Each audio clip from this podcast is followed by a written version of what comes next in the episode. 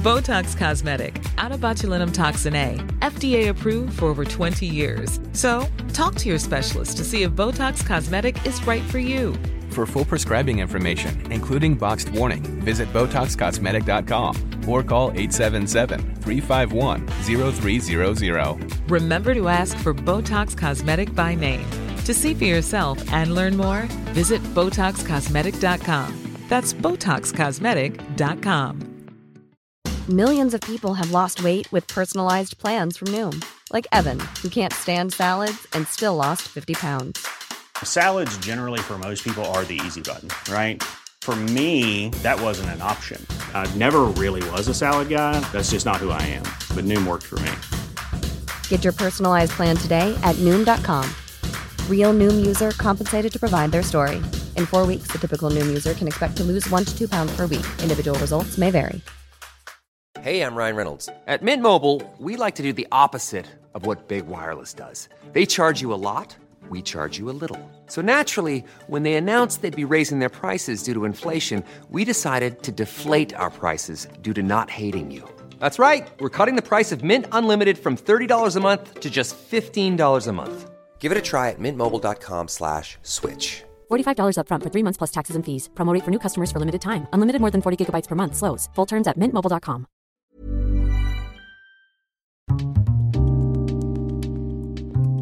programmet handlar om en noga utvald bok och ett samtal med dess författare. Välkommen till Lära från lärda. Fredrik Hilleborg vid micken och den här veckan har jag läst en bok som jag håller i min hand. Den heter Svarta bär. Författare Pelle Sundvisson. Välkommen. Tack. Jag brukar alltid börja med att författaren får presentera sig. Vi Ja. kör där. Eh, ja, men jag är ju författare då och författare som i skönlitterär författare. Jag skriver eh, romaner. Jag har skrivit lite ungdomsböcker också, men nu skriver jag romaner. Eh, och sen så är jag också eh, aktiv inom en fackförening som heter Solidariska byggare, där jag tolkar från ryska och förhandlar och har fall i, i Arbetsdomstolen. Och så eh, så att det är väl ungefär det jag gör. Det du gör. Vad säger du att den här boken handlar om?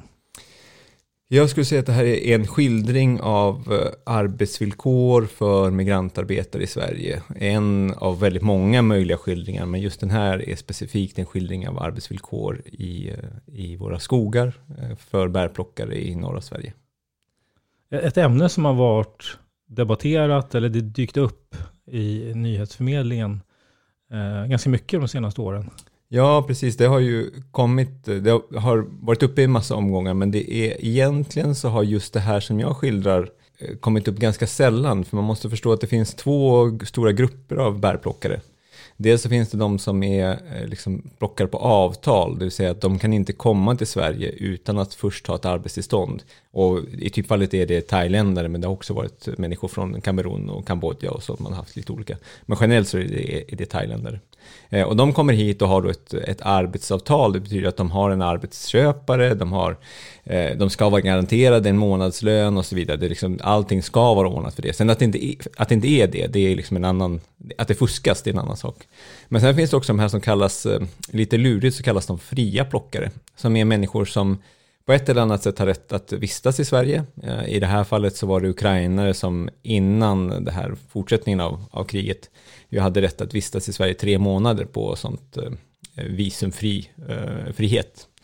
Eh, och därmed så hade de rätt att plocka bär och sälja sina bär. Men de har inte rätt att arbeta, så därför har de liksom ingen, de har egentligen mening ingen, ingen arbetsköpare, de har ingen anställning och de skydd, omfattas inte av de lagar som, som skyddar anställda och arbetare i Sverige. Så att det, det är liksom en lite annan grupp också, ganska svårt att, eh, att liksom hjälpa den gruppen eller att komma åt den gruppen. Just det, så att de får plocka och sälja helt Mm. enkelt, bara bär. Och då, och då är det ju tanken att det ska vara just så att de kommer och plockar och säljer. Men i själva verket så organiseras ju det där som om de vore arbetare, anställda, men utan några av de förmåner som kommer med det. Så de är inte garanterade någonting, eh, de kan liksom inte kräva någonting, de kan bli eh, sparkade, det vill säga utkastade för ingenting och så vidare. Så Mm. att eh, det är en, de har en situation som är oerhört prekär. Och jag tänkte vi ska prata lite mer om det, om själva boken och den berättelsen. Men vi ska också prata lite grann tänkte om, om själva eh, ditt yrke, eller den journalistiska tekniken, det här vallraffla, vallrafflande Mm. är det bästa ordet jag kommer på, som det väl kallas.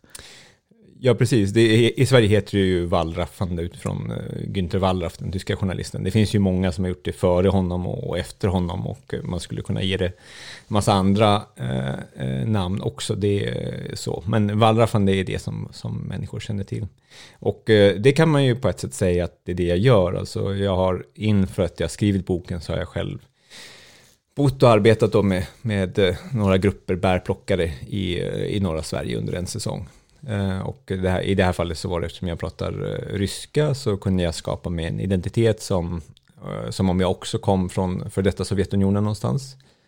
Och utan att visa pass eller ge någon- några andra uppgifter än mitt förnamn så kunde jag liksom bli anställd där fast ändå då inte en formell anställning och, och plocka med dem. Ehm, och, eh, så det är en, en metod som ju ofta används. Eh, skillnaden mellan det som jag har gjort och det som andra gör är att i mitt fall så jag är inte journalist, jag presenterar mig aldrig som journalist, utan det som, eh, som jag gör är typ ett, ett, när jag vill göra mitt förarbete så vill jag att det är, är grundligt, jag vill att det ska vara någonting som jag kan stå för, och därför lägger jag väldigt mycket tid på det. Och i det här fallet så såg jag ingen annan möjlighet än att använda just den här metoden. Mm. Eh, så att det är väl en, eh, man kan säga att det är en journalistisk metod, men, men skrivandet är helt och hållet skönlitterärt. Så att eh, om man ska sätta någon sorts skiljelinje, någon sorts gränser, någon sorts motto för mitt arbete, så så, så här brukar jag tänka att eh, karaktärerna är fiktiva, alltså det är liksom inte, det är inte människor som, som jag har arbetat med som skildras i boken, utan det är sådana som jag har, har liksom skapat. Men däremot så är villkoren är ju i princip identiska med de som finns, i- med de som jag mött. Liksom. Precis, man får en bild av de här arbetsförutsättningarna när man Ja. läser. Och du har skrivit en tidigare bok också som blev uppmärksammad kring, eh, då var det byggen. Ja, precis. Den är egentligen efter det kronologiskt. Så att först gjorde den här och sen använde jag samma identitet för att, eh, för att jobba på byggen här i Stockholm. Egentligen inte bara byggen utan jag gick in på en, en sajt som heter Svenska Palmen som är eh, ett, en väldigt brokig sajt med allt möjligt men som är för ryskspråkiga i Sverige. Där finns liksom kontaktannonser och chattgrupper och allt möjligt men det finns också ett annonsforum där man har att man antingen söker arbetare eller söker arbete. Eh, så att det där gick jag in och började svara på annonser. Eh, och ganska snart så blev jag hade lite städjobb och lite annat så också, men ganska snart så blev det byggjobb som var min grej. Mm. Och, du nämnde innan när jag satte på räck här att eh, tidigare så har du också skrivit om det här med varför människor lämnar sina länder och Mm. hur många och sådär. Jag tänkte det var rätt intressant också som ingång till det här. Ja, precis. För, för mig själv så skulle jag säga att det är, på något sätt är det liksom fyra böcker som hänger ihop. Eh, först så skrev jag en bok som eh, heter Med kriget tre år gammalt som är en skildring av um, livet i östra Ukraina. Uh, det här är 2000, ja men kriget tre år gammalt, det är det det, krig som var då, 20, från 2014, så att det utspelas 2017. Uh, och eh, då är det livet i en liten stad som först var ockuperad, först var en del av de här utbytarrepublikerna, men, men sen så svepte fronten vidare och så fortsätter det att vara en del av, av eh, det egentliga Ukraina, eller vad man ska kalla det. Eh, och eh, liksom det liv på något sätt som, som fanns där fascinerade mig oerhört. Och jag eh, var därför, återkom till samma stad flera gånger och, och har fortsatt haft kontakt med den staden som nu är ockuperad av Ryssland. Eh, och eh, eh det, då vill jag skilja det liv som, som fanns där, men då var inte min utgångspunkt var inte arbete, utan min utgångspunkt var egentligen någon sorts freds och mm, konfliktfrågor, alltså hur fungerar det här, vad skulle man kunna göra för fred, en, en typ sån utgångspunkt. Eh, Eh, också sen efter den så var jag också en höst i den här i Moldavien finns det en utbrytarrepublik som på svenska brukar heta Transnistrien. Prinestrovia är nog det bättre namnet. Eh, och eh, som, som liksom påminner om de här utbrytarrepublikerna i, i Ukraina, bara att den bröts ut redan på början av 90-talet, redan under Sovjetunionens fall. Ja, och superstängd republik med massa sån där sovjetisk eh, estetik kvar. Ehm, och skrev också därifrån en bok som heter Somnor. Ehm, och de här två, då var jag liksom hela tiden in, inne på någon sorts fredsfråga, men, men det som utkristalliserar sig med tiden, alltså när man gör när man träffar hundratals människor och sådär, så till slut så inser man ju att det de försöker berätta för mig är ju liksom inte samma sak som jag har försökt få ut, ut, ut ur dem. Eh, utan här finns en fråga som skär som är liksom rakblad genom hela samhällen och familjer och släkter och klasser och så vidare. Och det är frågan om man ska stanna och försöka liksom göra sig en utkomst på det armod som erbjuds på plats eller om man ska lämna det här området. Och eh, både den här lilla staden i östra Ukraina och den här utbrytarrepubliken och, och också Moldavien i stort är ju, eh, och Ukraina i stort, är ju typiskt platser som människor lämnar. Unga människor lämnar för att söka sin framtid någon annanstans. I Moldavien så är det ju ungefär en miljon av, av fyra miljoner som har lämnat landet och jobbar utomlands. Eh, och eftersom det är den arbetsföra befolkningen så är det, det är ungefär en av två. Så att man, eh, om man bor på en plats där man hela tiden vet att ungefär hälften av dem som jag lär känna under barndomen, de kommer försvinna iväg, hälften av dem som jag som arbetskamrater. Det, det, det, är liksom, det är en, en oerhört, um, oerhört genomgripande fråga som jag tror att de i Sverige så är de som kommer närmast en sån fråga, det är nog barn som växer upp på landsbygden. Mm, alltså, nu har ju den vågen kanske lite stannat av, men, men alltså, under lång tid så, så var det ju så. Eh, men då är det såklart, det är skillnad att flytta från, från landsbygden till närmaste storstad och, och, flytta från ett land till ett annat och dessutom komma till ett land där man inte kan språket och man arbetar under oerhört prekära förhållanden. Men det var liksom den frågan som utkristalliserade sig och insåg att de här böckerna som jag hade skrivit då, den här med kriget tre år gammalt och Somnol. Det är ju skildringar av villkoren som erbjuds på plats. Alltså på någon sorts förutsättning, varför väljer man att flytta därifrån? Eh, och eh, skildringar av de som väljer att stanna. Alltså varför väljer man att stanna och vad väntar de som stannar? Och nu blir jag liksom intresserad av vad som händer med de som väljer att, att åka istället. På lika goda grunder väljer att, att åka. Eh, och då, till en början så hade jag tänkt att det skulle vara bara intervju, jag försökte få tag på folk som hade flyttat hit och så, men det visade sig vara nästan helt omöjligt. Eh, det gick inte att få tag på något annat sätt. Och då tänkte jag ut det här med att, man, att jag kunde ta min egen identitet. Hur kom du in just på det här med, med bärplockning då? Det som dök upp först när jag tänkte liksom migrantarbetare i Sverige, det var bärplockning. Det är sånt där som alla, alla, är med, alla i Sverige är medvetna om att de bär som plockas i Sverige, de plockas av migranter. Alltså det är ju knappt några svenskar som plockar bär längre. Vilket också är oerhört synd, för jag har ju mina rötter i, i Norrbotten och, och minns att människor faktiskt plockade, till och med tog ledigt från sina vanliga jobb för att plocka lingon och blåbär och, och, och sälja och så. Att eh, det också har varit eh, en sån väldigt stark tradition att, att plocka bär till sig själv och så där för liksom självhushåll och så. Eh, och att allt det liksom försvinner iväg när man får in aktörer som kan dumpa villkoren. Och de kan ju dumpa villkoren på egentligen utifrån en enda förutsättning och det är att migranterna har sina inkomster här med sina utgifter i hemländerna där det är så väldigt mycket billigare. Eh, alltså ingen skulle jobba för de löner som erbjuds migranter om det inte var så att de pengarna i hemländerna faktiskt går att leva på. Mm. Att hela det här att att, liksom exploatera migrantarbetare, det bygger ju på den dynamiken. Att det finns platser i världen där, där allting är så väldigt mycket billigare för att det liksom helt enkelt är fattigare. Eh, och då kan man åka hit, jobba, man kan se till att man inte köper någonting här, man lever så oerhört eh, asketiskt får man väl säga som man bara kan. Eh, och sen så skickar man hem pengarna eller, eller gör av med dem själv i hemlandet. Och hur, hur, är förresten bilden, alltså utifrån sett, om du beskriver människor från Ukraina här. Mm ja, oavsett, men länder som så att säga reser hit och jobbar som bärplockare exempelvis.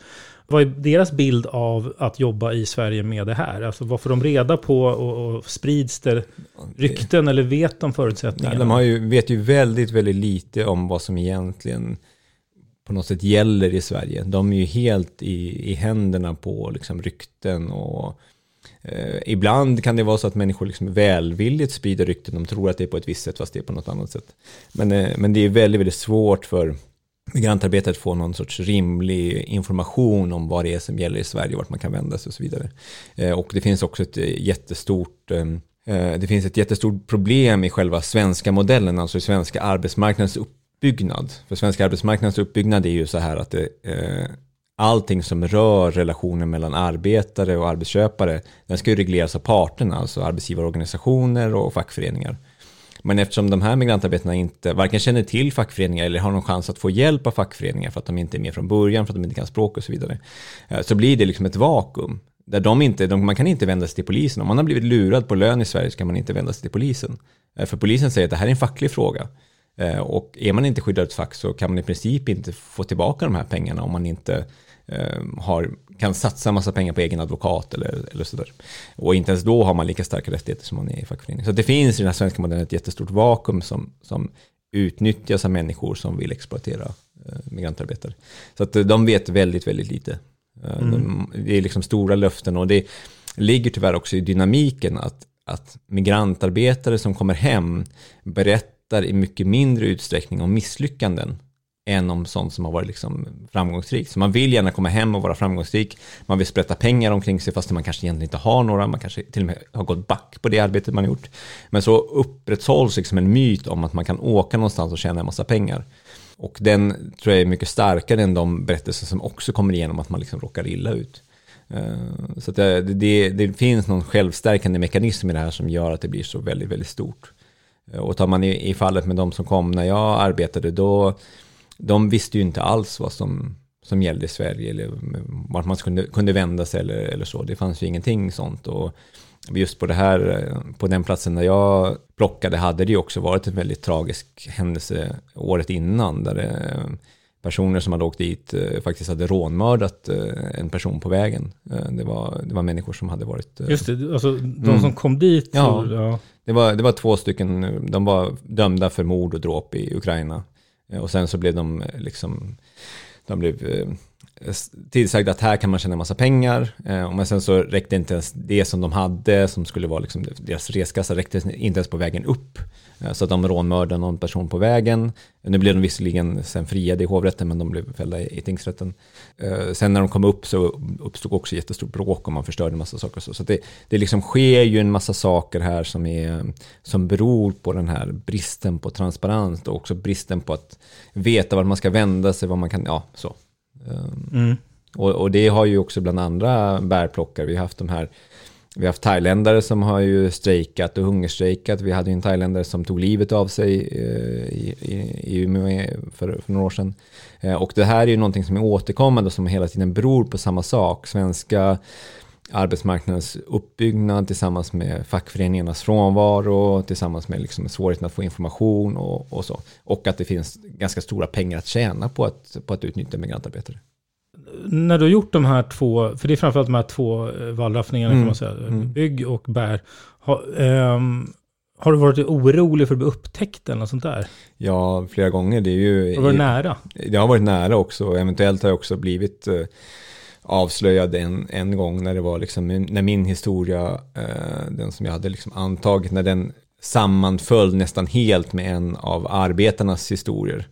Eh, Men eftersom det var en arbetare liksom på samma nivå hos mig, fast hos en annan arbetsköpare, så spelade det liksom ingen roll. Jag tror att han genomskådade mig, förstod att jag ljög, men tyckte inte heller att det spelade någon roll för att alla ljuger.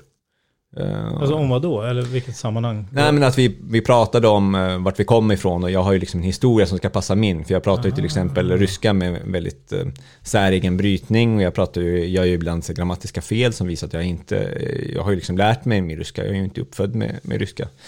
Eh, och så, som, som gör att allting det där måste passa ihop. Och jag ser ju också ut på ett visst sätt som allt det där måste liksom vara bitar som passar ihop. Och då eh, finns det ju ett stort pussel att ta ifrån. Det är ju liksom Sovjetunionen och, och liksom en hel, vad ska vi säga ehm, eh, ett hel, ett helt, det som var ett helt imperium har ju på något sätt samma språk och, och liksom eh, mycket av det där hänger ju kvar fortfarande.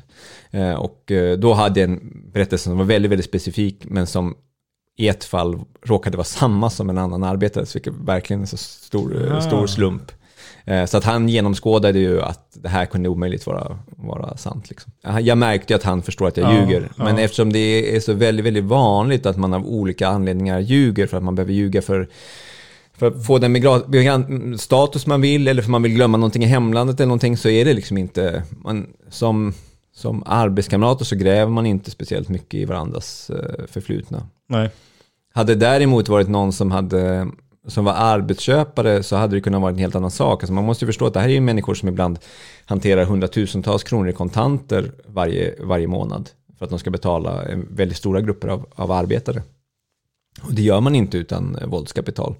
Eh, Och eh, jag vet också att det, är, Eh, det finns kopplingar, jag har ju, jobbar ju nu med det här fackligt, att man kan se kopplingar mellan den här typen av, av eh, liksom kriminalitet och andra former av kriminalitet. Alltså, det är ju ett jätte, jättebra sätt, om du någonstans får in en massa kontanter, så är det ju ett jättebra sätt att tvätta dem vita, att betala ut dem som löner och ha kvar eh, det du får, får in vitt på företaget. Det är ju ett, ett ypperligt sätt att, att liksom tvätta pengar till exempel. Så att eh, de pengarna kan komma var som helst ifrån. Så där är det klart att eh, skulle jag på det sättet blivit avslöjad i just den, av fel personer så hade det ju liksom, det är klart att det hade funnits ett hot. Ja. Och den här historien Svarta bär, så då får man ju följa ett gäng bärplockare helt Mm. enkelt från Ukraina.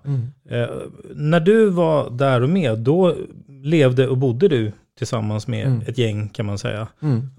Vad är det första som, alltså nu inför till exempel nästa säsong, vad är, det, vad är det första man gör? Hur anmäler man sig och vart åker man? När man Ja, liksom sätter igång. Det, det vanliga är ju att man, man ser en annons någonstans.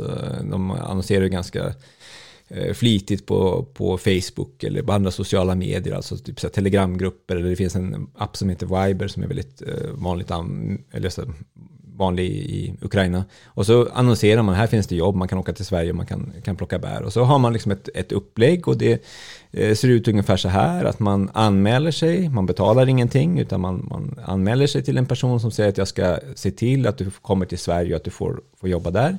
För det så vill jag när du är färdig ha ett visst antal hundra euro eh, liksom som, som betalning för att jag ser till att du har fått ett jobb. Eh, och eh, antingen så åker du med egen bil och då kan du plocka upp andra som vill jobba eh, och så får de betala dig som hyra för bilen.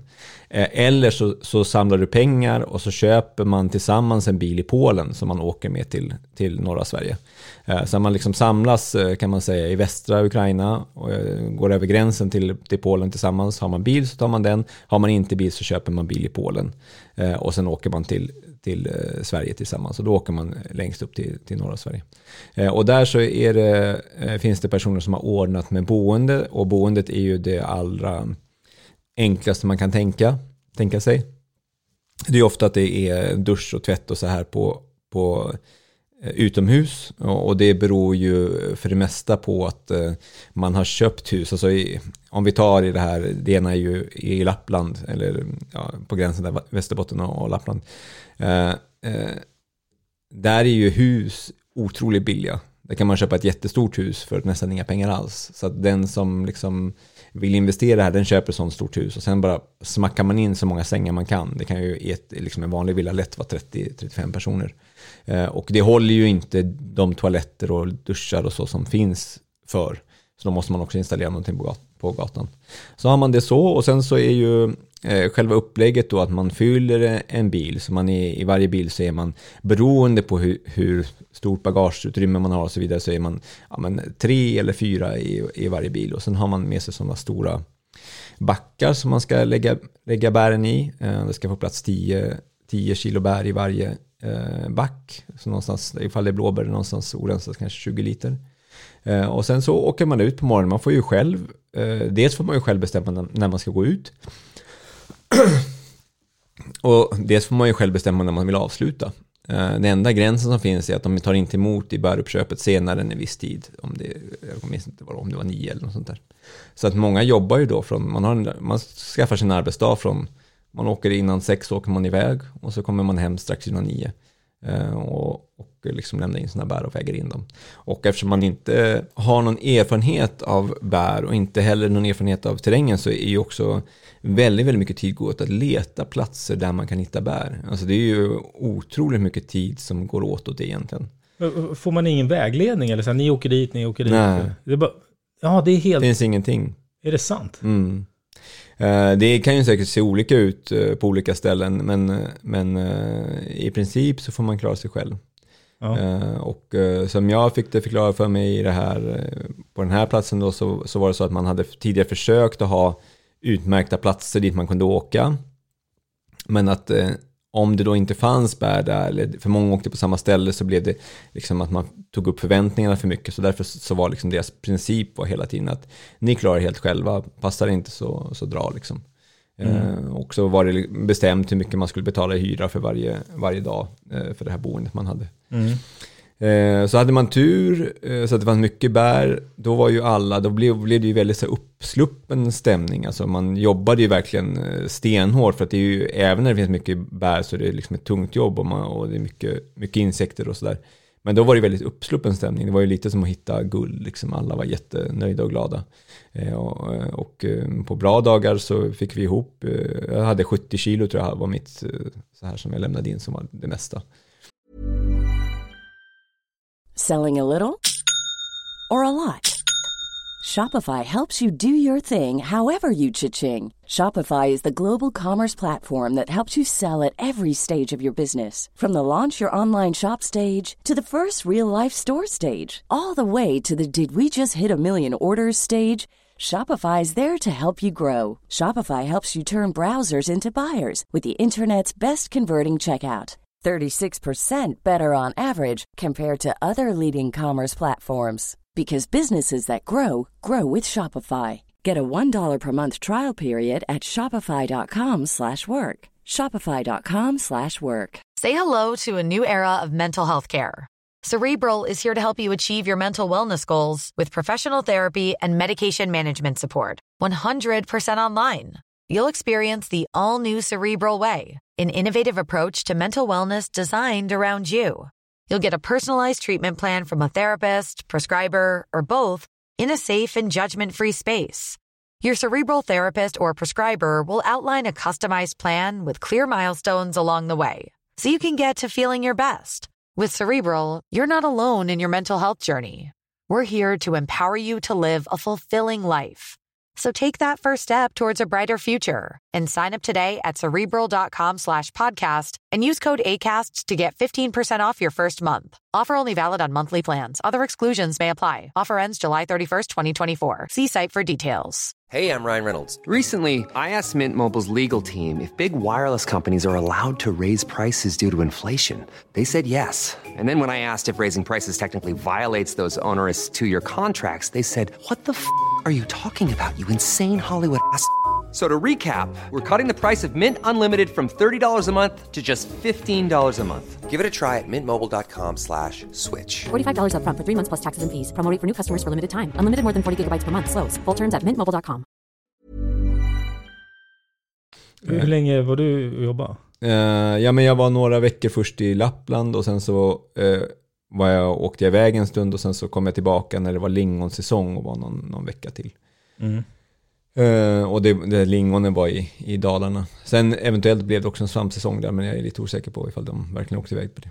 Men uh, så att då man plockar in en jäkla massa uh, bär. Om man ska jämföra om man har plockat bär själv så kan man säga att 70 kilo bär det är någonstans kanske 130-140 liter så 10, 12, 13 kanske hinkar liksom. Eh, Så här stora vanliga Mm. hinkar som vi tänker oss hinkar. Ja, exakt. Så- jag så jag plockade en- en liten burk i somras så Ja. det tog väl liksom rätt lång tid. Ja, precis. Så det här, är- det är liksom, här, här är ju, eh, det är klart att plocka med bärplockare, det är mera ris och så, men, men det, är, det är väldigt, väldigt mycket, eh, det är väldigt många timmars arbete bakom. Eh, får man utrustning då? Sån här plock... Nej, det får man, alltså, får, får, man får köpa det om man vill. Antingen tar man med sig själv eller så köper man av dem. Ja. Så att egentligen kan man säga att man är där och man säljer sina bär, men de tillhandahåller allting mot en avgift. Ja, boende. Så det är Mm. liksom samma organisatörer som hyr ut boende, som tar bär, man säljer, Ja. säljer till dem och så vidare. Ja, så att det är liksom rent eh, faktiskt så är det liksom en arbetsköpare, det är en anställning, det är, det är någon som, som borde ha ett mycket större ansvar, som inte bara kan säga att om någon inte hittar bär men har slitit ihjäl sig liksom i, i två veckor, eh, 15 timmar om dagen, så borde den ändå vara skyldig att liksom betala någonting eh, och så. Men, eh, men eh, så ser det ut nu. Mm. Och hur mycket är det, får man betalt då? För, per, är det per liter? Man får, nej, per kilo får man betalt. Och det där är ju väldigt olika från säsong till säsong. Dels är det så att såklart om det är, mycket bär så sjunker ju priserna. Alltså en helt vanlig tillgång och efterfrågan. Men sen är det ju också så att det beror på antalet plockare. Så att ju fler som, ju fler som plockar, alltså ju fler som har kommit från andra länder till Sverige, desto, desto billigare blir ju bären. Eh, Så att då kan man ju säga att när, det, när den här boken skrevs, det var ju fortfarande pandemi, så att det var ju eh, det var ju på vippen att det inte kom några thailändska bärplockare och då hade ju bärpriserna kunnat bli jättehöga. Då hade det, kunnat- de hade säkert kunnat bli så höga att det hade varit lockande för, för svenska plockare att, att gå ut och plocka. Eh, men eh, eftersom de till slut kom sen så blev det kanske inte så högt som det kunde bli. Men, men då var ju ett eh, ett kilo bär var väl, jag tror det började från 15 och så blev det upp till 20 kronor. Eh, var ju ett kilo eh, blåbär. Och vad kostar de i butik? Jag vet inte, men det är också det så ska de ju rensas maskinellt och sådär och så är det inte det mesta av de här bären som vi plockade, det var de ju ganska liksom, noga med att framhålla att det är ju inte, de går ju inte till, till mat, alltså, utan de går till kosttillskott. De skickas till Kina och görs om till olika kosttillskott och görs om till olika krämer. Och, eh, det sägs ju att de här blåbären, alltså som är de här nordiska blåbären, inte de här amerikanska blåbären, att de, att de har en liksom rekordhög eh, halt av, av ämnen som man vill komma åt, antioxidanter och så. Eh, och därför har de väldigt, väldigt gott rykte och man brukar prata om att NASA tar med sig dem till, till rymden för att de har någon sorts sådana eh, karaktäristika som man vill åt. Eh, men, eh, men så är det, de, de säljs ju väldigt sällan i, liksom i, i butik. Mm, men, men det... det... är klart, ska man köpa dem i butik så mm, ett par hundra kronor kilot. Mm, det är stora marginaler. Ja, för någon är det stora marginaler mm. någonstans. Exakt vem som tar de där marginalerna är lite svårt att liksom komma åt. Men eh, ja, det, är inte, det är inte i plockarleden som pengarna försvinner i alla fall. Nej. Och jag tycker att det, det, det finns också någonting, det finns också någon sorts, eh, det finns någonting som är Ehm, märkligt med att hela tiden prata om ett kilopris för att eh, mer rimligt är att försöka översätta det till någon sorts eh, pris på arbete, för det är ju vad det faktiskt är. Eftersom alla bären är, alla bär i svenska skogar är gratis för alla som vill gå dit och plocka dem, det är så allemansrätten fungerar. Så är ju priset på blåbär, priset på hjortron och lingon, det är ju alltid bara priset på arbete. Och då kan man fråga sig vad det arbetet skulle kosta. Och då kan man säga eh, att eh, ska man räkna in hur lång tid det tar att åka och så, så, så ska man nog komma upp eh, ganska mycket mer för att det ska bli ett rimligt pris. Och det där har man ju mm, tittat på, jag vet till exempel att tidningen Arbetet har, har tittat på det, hur, hur, hur de här priserna på bär har, har sjunkit un, ungefär 30 år, att de nu är på en tredjedel eller så, eller vad de hade varit Eh, innan den här vågen kom med, med exploatering av migrantarbetare. Och säg att det skulle kosta att man skulle kunna eh, tjäna 60 kronor eller 50 kronor på ett eh, kilo blåbär, då skulle det plötsligt vara ett sätt för stora delar av svenska glesbygden att, att överleva. Alltså att man på hösten kan få sig ett, ehm, ett tillskott av kapital som man sen, eftersom man har få andra utgifter, man har liksom, när man bor på, på landsbygden så kan man ju på ett annat sätt än när man bor i stan liksom spara ner på sina, sina utgifter eh, genom att vara mer så själv, själv ha mer, mer typ av självhushåll. Eh, så skulle det kunna göra att, eh, att landsbygden lever upp på ett helt annat sätt. För om man slår ut det då, det liksom hela den här resan från Ukraina med mm. bil, mm. bensin och sen boende, mat eh, och, och sen blir det, låter i slutändan, tjänar inte så mycket. Nej. Vad blir det för liksom slutrad på hela? Det är, det är ju väldigt svårt att säga. Det var ju flera som gav upp medan vi var där. Och då hade de liksom haft utgifter för att komma till Sverige på eh, det kan ju låta som att det inte är så mycket för oss. Det är att de kanske har lagt ut eh, 600-700 euro för att komma hit. Eh, så 7000 spänn vid det tillfället. Eh, men det är ju liksom två, tre månadslöner i Ukraina. Och det är under en tid när pandemin ju hade pågått i ett år, ett och ett halvt år. Så det var ju under en tid där, där människors ekonomi var så oerhört ansträngd. För att Ukraina var ju nedstängt helt och hållet, fick ju vaccin väldigt sent och, och så vidare. Så att Ukraina hade ju jätte jättesvåra ekonomiska följder av, av det här. Så att folk hade ju redan suttit utan lön i liksom månad, ett halvår, ett år. Eh, och då skulle man låna ihop de här pengarna och så satsar man allt på det här kortet och så kommer man dit och sen så inser man att det här, eh, jag lyckas inte med det här. Jag hittar inte bär eller jag hittar inte, jag orkar inte plocka eller vad det nu kan vara för någonting. Alltså att man rent fysiskt inte klarar eller att man, man trillar och slår sig, vilket också händer. Liksom. Mm. Eh, är det så att man, man gör sig illa, då kan man inte plocka längre. Det, Nej, precis. Man har inget skyddsnät Nej, det finns ingenting. Ehm, precis, och den här ehm, relationen till lokalbefolkningen, för det, mm. det uppfattar man ju, du nämnde det här med de, de, eh, det som hände med de ukrainarna som också eh, utförde ett rånmord, mm. eller i alla fall mm. eh, blev dömda för det först, men mm. sen blev det ändrat. Men det händer ju saker och, och, det finns ju också det som en, en spänning där kan jag tänka mig mm. på vissa håll, även om Absolut. det funkar bra på andra. Absolut. Men var det någonting som, hur Men det, möttes det? Eller hur ja, precis. Och det, det är ju, eftersom jag då hade någon sorts dubbelblick här också, kunde följa saker, hur det, hur det speglades eh, bland, eh, bland eh, människor som bodde på plats och sådär. Så, um, så det finns ju liksom um, när jag följde innehållet i vissa Facebookgrupper till exempel så framstod det som helt paranoid. Alltså att man rapporterade varenda bil man såg och menade det här är tjuvar det, det, det, eh, och man hela tiden utgick från det. Så det fanns ju absolut. Eh, men det fanns ju också eh, när vi var ute och att det kom människor som liksom hejade och försökte ändå på något sätt söka kontakt. Så det fanns ju också. Ehm, så det, det är nog det finns nog både och där, men det finns en väldigt stor misstänksamhet mot den här gruppen. Och, eh, det är ju såklart jättesorgligt att se att det, att det är så. Eh, för på ett sätt kan man ju säga att det här är, här borde kunna finnas en, en, eh, en naturlig grund för allians. För att här är, det här är grupper som egentligen upplever ganska lika villkor.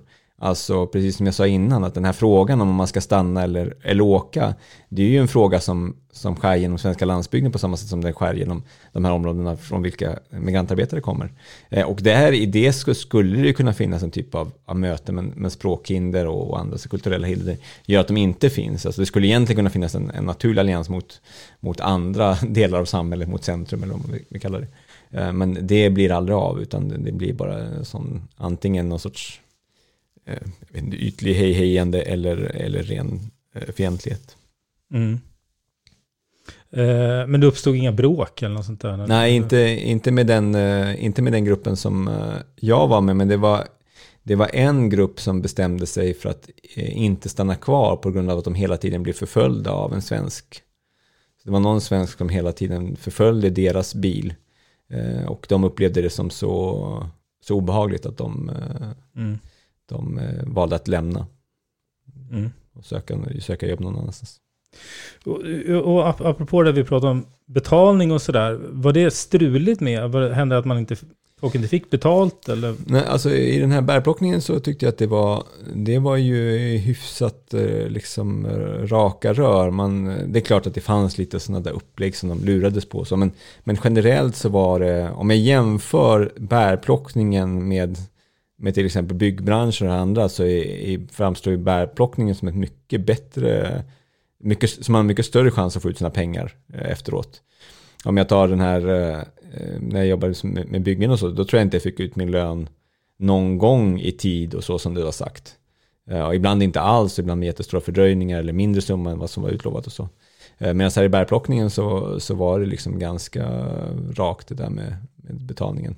Eh, sen hade de några sådana där de hade lite tävlingar och sånt där som de liksom på något sätt försökte lura folk på. Men, men generellt så fick man ut sina pengar. Eh, sen är det klart att eh, det är ett system som är helt godtyckligt för att man får inte i förväg veta några bärpriser utan bärpriset ändras liksom från dag till dag. Och det är ju, det är ju bäruppköparen, alltså arbetsköparen som, som sätter det priset. Som kan sätta det precis som den vill. Ja. Så det är ju på ett sätt är det ju liksom helt och hållet lurendrejeri, men åtminstone kan man säga att de pengar som sen utlovades, uh, vad jag vet, de har liksom i det stora hela betalats ut sen. Mm. Just det, det var någon form av tävling också, den som plockar mest fick någon... Ja, precis. Det var några upplägg där som man liksom skulle tvinga folk att och, och plocka mest och vissa som, eh, ja, som nog halvt slet ihjäl sig faktiskt för att få den där premien och sen så liksom var det något upplägg att man inte, att det fanns en ursäkt att man inte skulle betala ut det där. Okay. Eh, så det, några sådana grejer fanns, men jämfört med det som är liksom lurendrejeri i, städbranschen eller byggbranschen så framstod just den delen som, som ganska oskyldig. Mm. Eh, mötet med djur, mm. du skriver en del om djur, det är alltifrån mm. insekter mm. till björnar, alltså mm. farliga djur mm. och jobbiga djur eller vad man ska mm. säga. Mm. Um, hur var det? Vad, vad... Ja, men det, ju, det, blir ju liksom en del av arbetsmiljön och speciellt eftersom människor är ganska Alltså för mig som på något sätt är uppvuxen i svenska skolor så, så är, är ju det, eh, så kändes ju det inte så farligt. Jag menar jag har alltid spenderat mina somrar i Norrbotten och så, så att hela den där myggplågan och sånt var jag väl på något sätt förberedd på och allt det här med knott och så. Men eh, det var ju någonting som man upplevde som, som otroligt eh, jobbigt, alltså så här, inte bara fysiskt jobbigt utan liksom psykiskt jobbigt med alla de här alla insekter eh, som, som är liksom i vägen när man ska, ska jobba.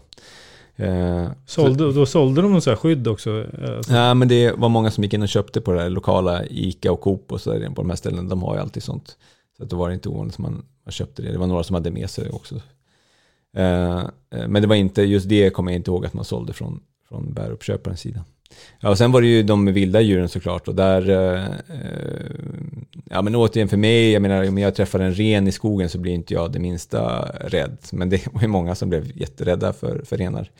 Eh, men sen också var det ju liksom det här att träffa, det är ju nu för tiden så är ju många marker som är björnmarker och, eh, och så som, eh, som är liksom på ett helt annat sätt eh, än vad det har varit tidigare.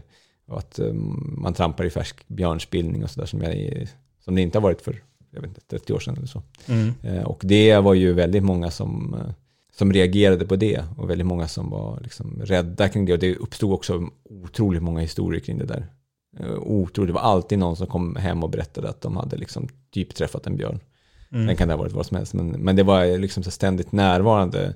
De vilda djuren var hela tiden liksom närvarande på något sätt mentalt. Det var något som man alltid pratade om. Um, det föreslog också jakt. Mm. Uh, i din berättelse så är det en som blir skjuten eh, mm. av misstag. Mm. Eh, jag googlade lite och det har ju varit sådana mm. också fall. Ja. Flera. Ja. Eh, var det här något som hände när du var där? Nej, det här, det, den, just den delen är liksom inte tagen från min erfarenhet, utan den är tagen från andras erfarenhet. Ja, men det är i alla fall senast förra året såg jag någon ja. som blev skjuten. Så det, det, har varit sådana. Ja. Och det har, varit ett, det har ju varit ett, varit uppmärksammat fall där, där någon blev skjuten och helt frikänd sen också. Ja. Att de såg fel helt enkelt. Ja. Eller den sa mm. det, så sköt och så. Ja. Och det var sånt som togs upp också. Alltså sånt som man, man liksom pratade om, att man måste vara försiktig för här finns det jakt och jägare och så. Eh, vad var det som förvånade dig mest?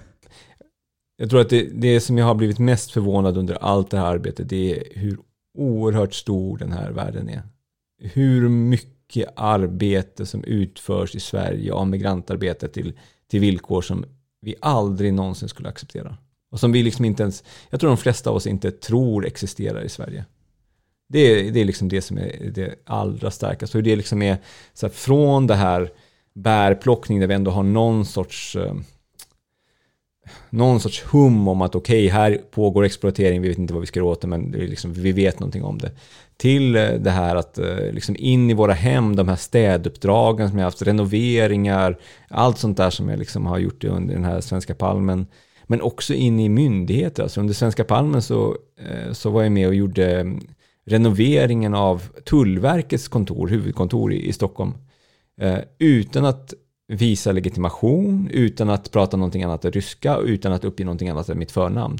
Så kunde jag liksom vara med och göra renoveringen av, av Tullverket. Och då tänker man sig att det ska inte vara möjligt. Men jo, men det, går, det här är så stort att man kan komma in precis var som helst. Det här svartarbetet, det här liksom exploatering av migrantarbetare finns precis överallt. Och det är ju inte, jag menar jag är inte, jag, jag bryr mig inte speciellt mycket om svartarbete som sånt, det är inte det jag vill moralisera över. För att om en svensk byggare väljer att ta liksom 250 spänn i timmen i handen istället för liksom sätta det på skatten, så det, det är ett problem för staten, absolut. Men det betyder ju inte att den arbetaren blir utnyttjad, men när det är liksom att man ska 80 spänn i handen eh, och dessutom inte får ut den för man har ingenstans att vända sig för att sätta tryck sen, då är ju det liksom helt annat. Så den här exploateringen av, av, eh, av migrantarbetare är så oerhört omfattande och så mm, det är många som menar att det liksom är systemhotande. Det tror jag liksom är ett ganska bra ord att säga att i vissa branscher så är det nu så att det är svårt att driva bolag om man ska göra det schysst. Uh, utan det är liksom, uh, man måste fuska för att kunna hänga med i konkurrensen. Som sista fråga, förutom att läsa boken, har du någon mm. rekommendation du kan skicka med till lyssnarna kring det här ämnet? det som är spännande med det här ämnet och det här och speciellt med Svenska Palmen är den, den finns liksom i samma situationer har, har samma arbetsvillkor har på något sätt beskrivits på olika former så vill man ha, man kan liksom välja sin typ. Dels så har jag skrivit det som skönlitterärt och sen så har Emil Boss har nyss kommit med en diktsamling som, som liksom rör samma eh, ämne så vill man läsa poesi, modern poesi om det så finns det en fantastisk eh, eh, eh diktsamling om det. Elinor Torp har skrivit om det journalistiskt och vill man läsa om det journalistiskt så kan man, kan man göra det. Så det liksom finns, ehm, vill man veta mer om det här ämnet eh, migrantarbetare och liksom exploatering av migrantarbetare så kan man göra det på så många olika sätt. Och alla de sätten ger ju någon, någon liksom tillför ju något mervärde. Jag märker när jag läser Emils poesi till exempel så är det ju någonting som han lyckas fånga som jag inte lyckas fånga. Och när jag läser Elinor Torps böcker eh, om migrantarbetare som ju ibland är liksom, det är ju ofta arbetare som jag också har träffat och känner.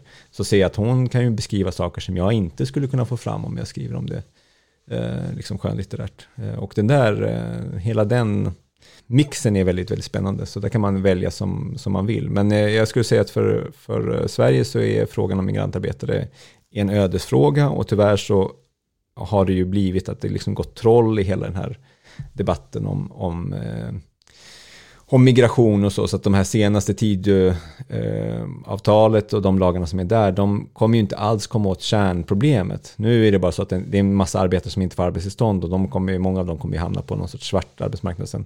Och det kommer inte hjälpa problemet. Men jag tror att för att hitta ingångar som, som kommer att fungera så måste man nog börja med att förstå situationen. Och det kan man göra genom att läsa till exempel det här eller Elinor Torp eller Emil Bosse böcker. Och då, då får man liksom en, en sorts plattform som man kan jämföra alla lagförslag och så som kommer. Så här, kommer det här hjälpa de här, kommer det här göra att de här människorna antingen inte kommer hit eller att de inte att de inte exploateras. Eh, för det måste ju på något sätt vara det som är målet. Kommer du göra något mer gräv i framtiden? Ja, jo men det kommer jag göra. Sen om det kommer vara liksom wallraff eller om det kommer vara någonting annat. Men eh, absolut, jag är fortfarande oerhört intresserad av frågan och ser andra branscher där det är, det liksom, det är intressant. Har man något tips i till exempel logistik så kan man höra av sig till mig. Hur når man dig? Eh, ja, men jag har ju en profil på Twitter och där finns det en, uh, finns det en mailadress också som man kan skriva till. Pelle Sundvisson på mm. Twitter, mm. på X. Mm. Ja, på X, ja just det. Sorry. Tack för att du var med. Tack, tack.